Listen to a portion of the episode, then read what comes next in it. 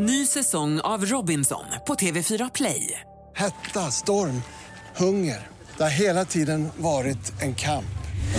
Nu är det blod och tårar. Fan händer just nu. Det. är Detta är inte okej. Robinson 2024, nu fucking kör vi! Streama söndag på TV4 Play. Du lyssnar på en podcast från Expressen. Ansvarig utgivare är Thomas Mattsson. Fler poddar hittar du på expressen.se podcast och på iTunes.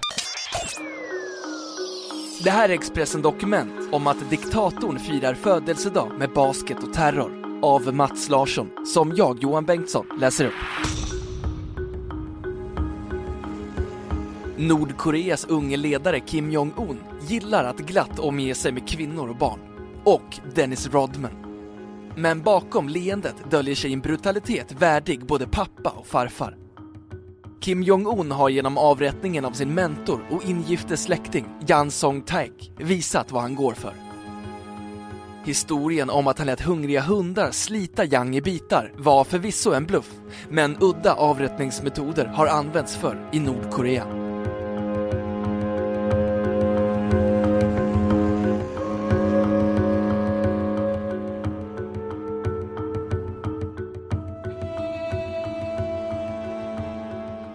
Nordkoreas unge ledare Kim Jong-Un fyller 31 år imorgon. Han får sin nye bästis Dennis Rodman i present. Den förre NBA-spelaren leder en basketmatch på själva bemärkelsedagen och får sällskap av flera andra före detta NBA-stjärnor som Kenny Anderson, Cliff Robinson och Vin Baker. Det blir fjärde besöket inom loppet av ett år för den 53-årige Rodman i Nordkorea och den förre Chicago Bulls-stjärnan har låtit sig charmas. Vi är goda vänner. Det är en schysst kille, han har ett stort hjärta, sa Rodman tidigare i år i en intervju för Irish Examiner. Den intervjun gavs i sanningens namn innan Kim Jong-Un visade sin inte så godhjärtade sida genom att låta avrätta mannen som varit hans mentor i flera år, Yang Song-taek, 67. Yang kallas ofta för farbror i nyhetsrapporteringen, men han var i själva verket ingift i familjen. Han var gift med Kims faster, Kim Kyung-hoi. Avrättningen avskräckte dock inte Rodman, som dök upp i Nordkorea igen i mitten av december, bara några dagar efter beskedet att Yang straffats med döden. Denna gång var dock Kim för upptagen för att hinna träffa honom. Jag är inte orolig, jag kommer att träffa honom igen, sa Rodman på vägen hem. Det var alltid en osannolik vänskap. Kim Jong-Un är den tredje generationen från samma familj som styr Nordkorea. Ett land som gör sitt bästa för att stänga ute resten av världen och utvecklingen. Ett land som ser USA som ärkefienden. Rodman är, med sina egna ord, America's number one badass, som enligt egen utsago legat med över 2000 kvinnor, däribland Madonna. Men det hör till historien att Kim Jong-Un som ung studerade på internatskola i Schweiz och ett av hans stora intressen var basket. Favoritlaget hette Chicago Bulls, Rodmans klubb. Och när Nordkorea släppte bilder tidigare i år på Rodman och Kim sittandes sida vid sida under en basketmatch i Pyongyang så fanns det förstås en tanke bakom det. Inget sker av en slump när det gäller bildpublicering på Nordkoreas ledare. Basketmatchen i Pyongyang var bra PR för Kim Jong-Un, säger Kim Jong-Hyn vid Dongguk-universitetet i Seoul till New York Times. För hemmapubliken så visar han upp sig som inte alltför stel, utan som en ledare med öppet sinne. Något som kan tilltala de unga i Nordkorea. Pappa Kim Jong-Il gjorde sällan offentliga framträdanden, förutom vid paradliknande tillfällen där han klappade händerna och såg auktoritär ut. Sonen däremot verkar mer bekväm med att låta sig omges av allt från kvinnliga soldater till skaror av barn. Han har gjort ungdomskult till något av ett tema och låtit bygga allt från skidanläggningar till nöjesfält och vattenparker.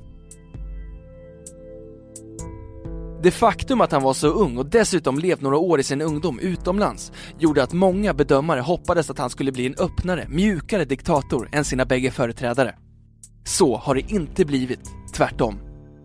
Kim Jong-Un har, trots att han bara suttit drygt två år vid makten, visat sig ha nog så hårda nypor. Offentliga massavrättningar har ökat, koncentrationslägren vuxit i omfattning. Josef Stalin nickar nog godkännande i sin kommunistiska himmel, eller helvete. Och Stalin skulle helt klart gilla de utrensningar som unge Kim ägnat sig åt under de två år han har suttit vid makten. Inte ens de allra högsta går säkra.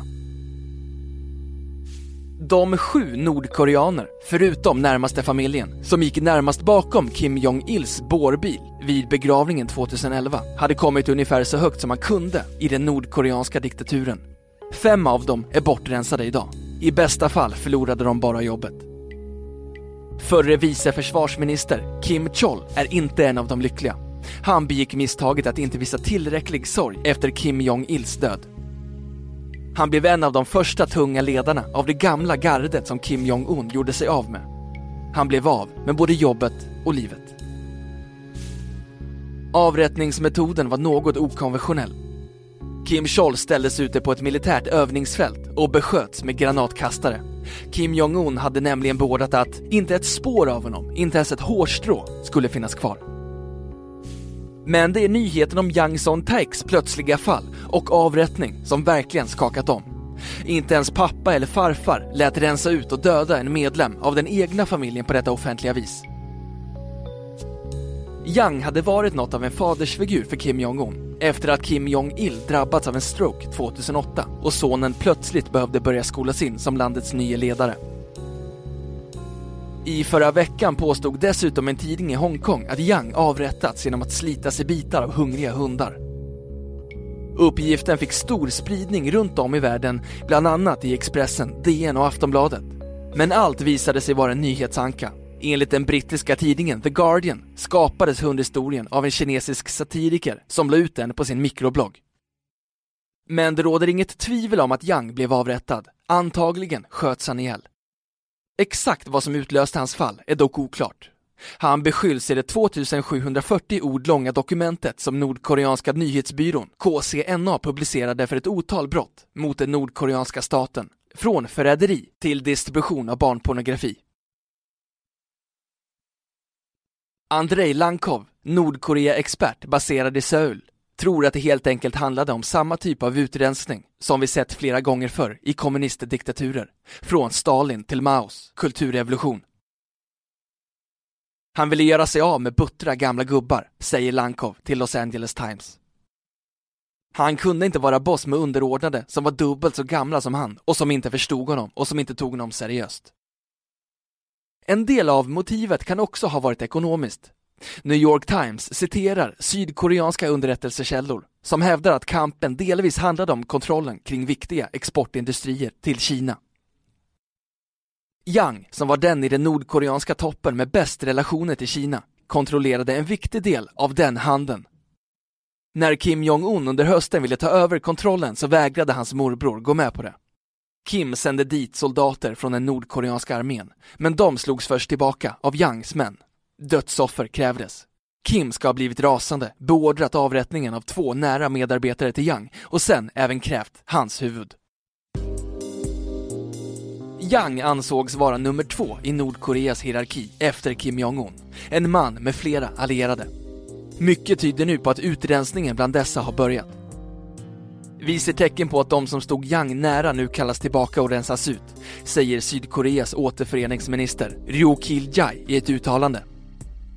En av dem som tycks råkat illa ut är Nordkoreas Sverige-ambassadör Pak Kwan-chol.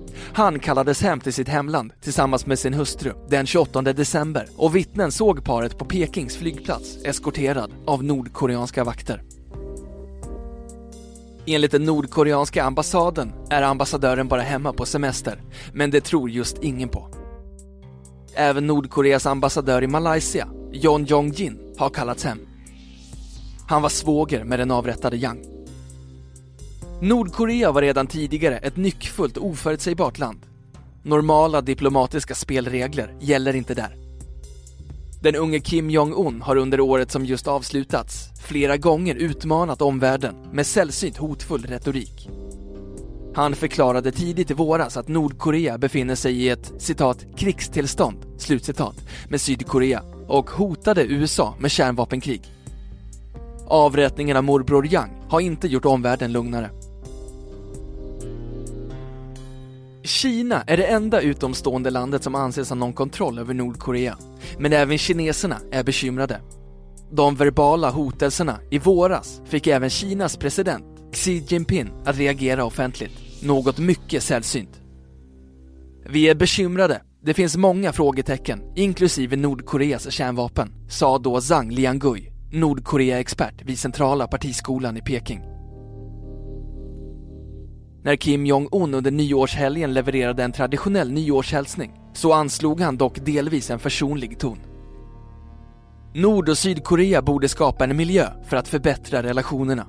Det är dags att sluta med meningslöst förtal och Nord och Sydkorea borde inte längre göra saker som skadar försoning och harmoni. Det låter ju hoppfullt, men Kim Jong-Un sa något liknande redan för ett år sedan. Några veckor senare provsprängde Nordkorea en tredje kärnvapenladdning. Det Nordkorea som just inlett 2014 är lika svårbedömt som alltid. Och att USAs främsta kanal till landets ledare heter Dennis Rodman känns ju inte direkt lugnande.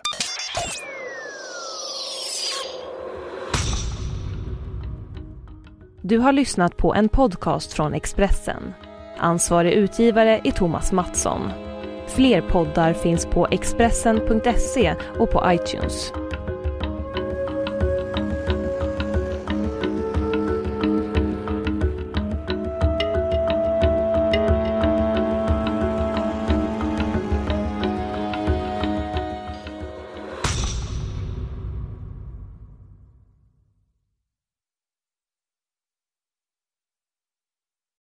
Ny säsong av Robinson på TV4 Play. Hetta, storm, hunger. Det har hela tiden varit en kamp. Nu är det blod och tårar. Fan händer just nu. Det. är Detta är inte okej. Robinson 2024, nu fucking kör vi! Streama söndag på TV4 Play.